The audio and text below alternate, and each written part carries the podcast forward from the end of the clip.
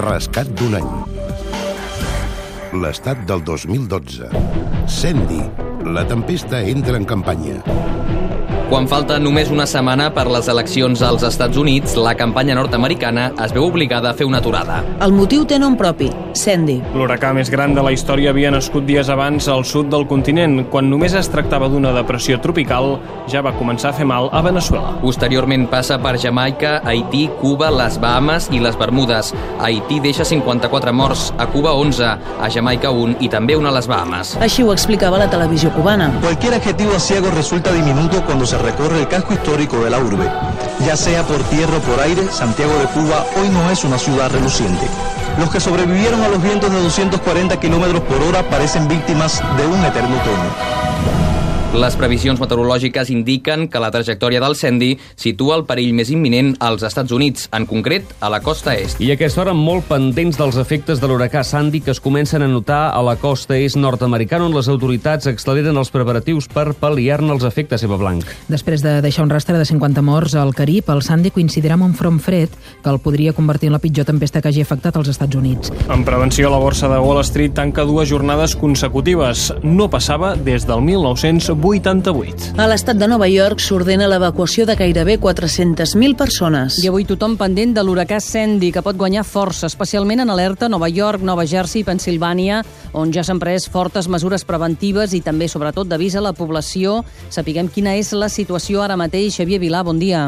Bon dia. Doncs és una tempesta que ja ha provocat una pujada important del nivell de l'aigua a Nova York. L'arribada del Sandy amb ratxes de vent sostingudes de 140 km per hora és imminent. Ha de xocar amb un front fred del nord-oest i es preveu que tingui efectes devastadors en una zona on hi viuen 60 milions de ciutadans. L'activitat a la costa est dels Estats Units està totalment aturada. Poques hores més tard, Nova York deserta, aturada en una imatge inèdita. Tot per culpa d'això, els Estats Units a l'espera del cop imminent del Sandy.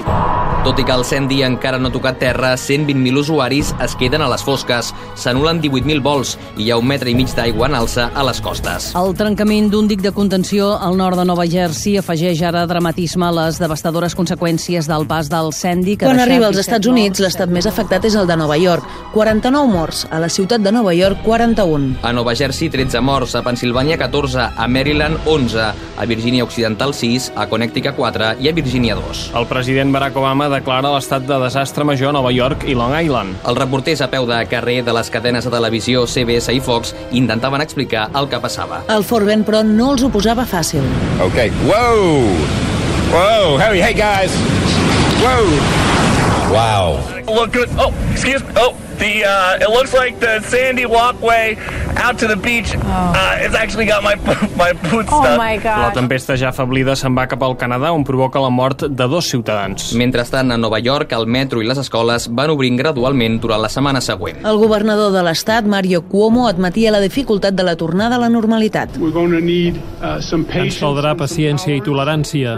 El trànsit és molt difícil, encara tenim zones inundades. El túnel de Midtown està tancat i hi ha un volum de trànsit molt gran. Per tot plegat, el reescollit president Barack Obama ha demanat al Congrés 50.000 milions de dòlars per ajudar els afectats pel Sandy.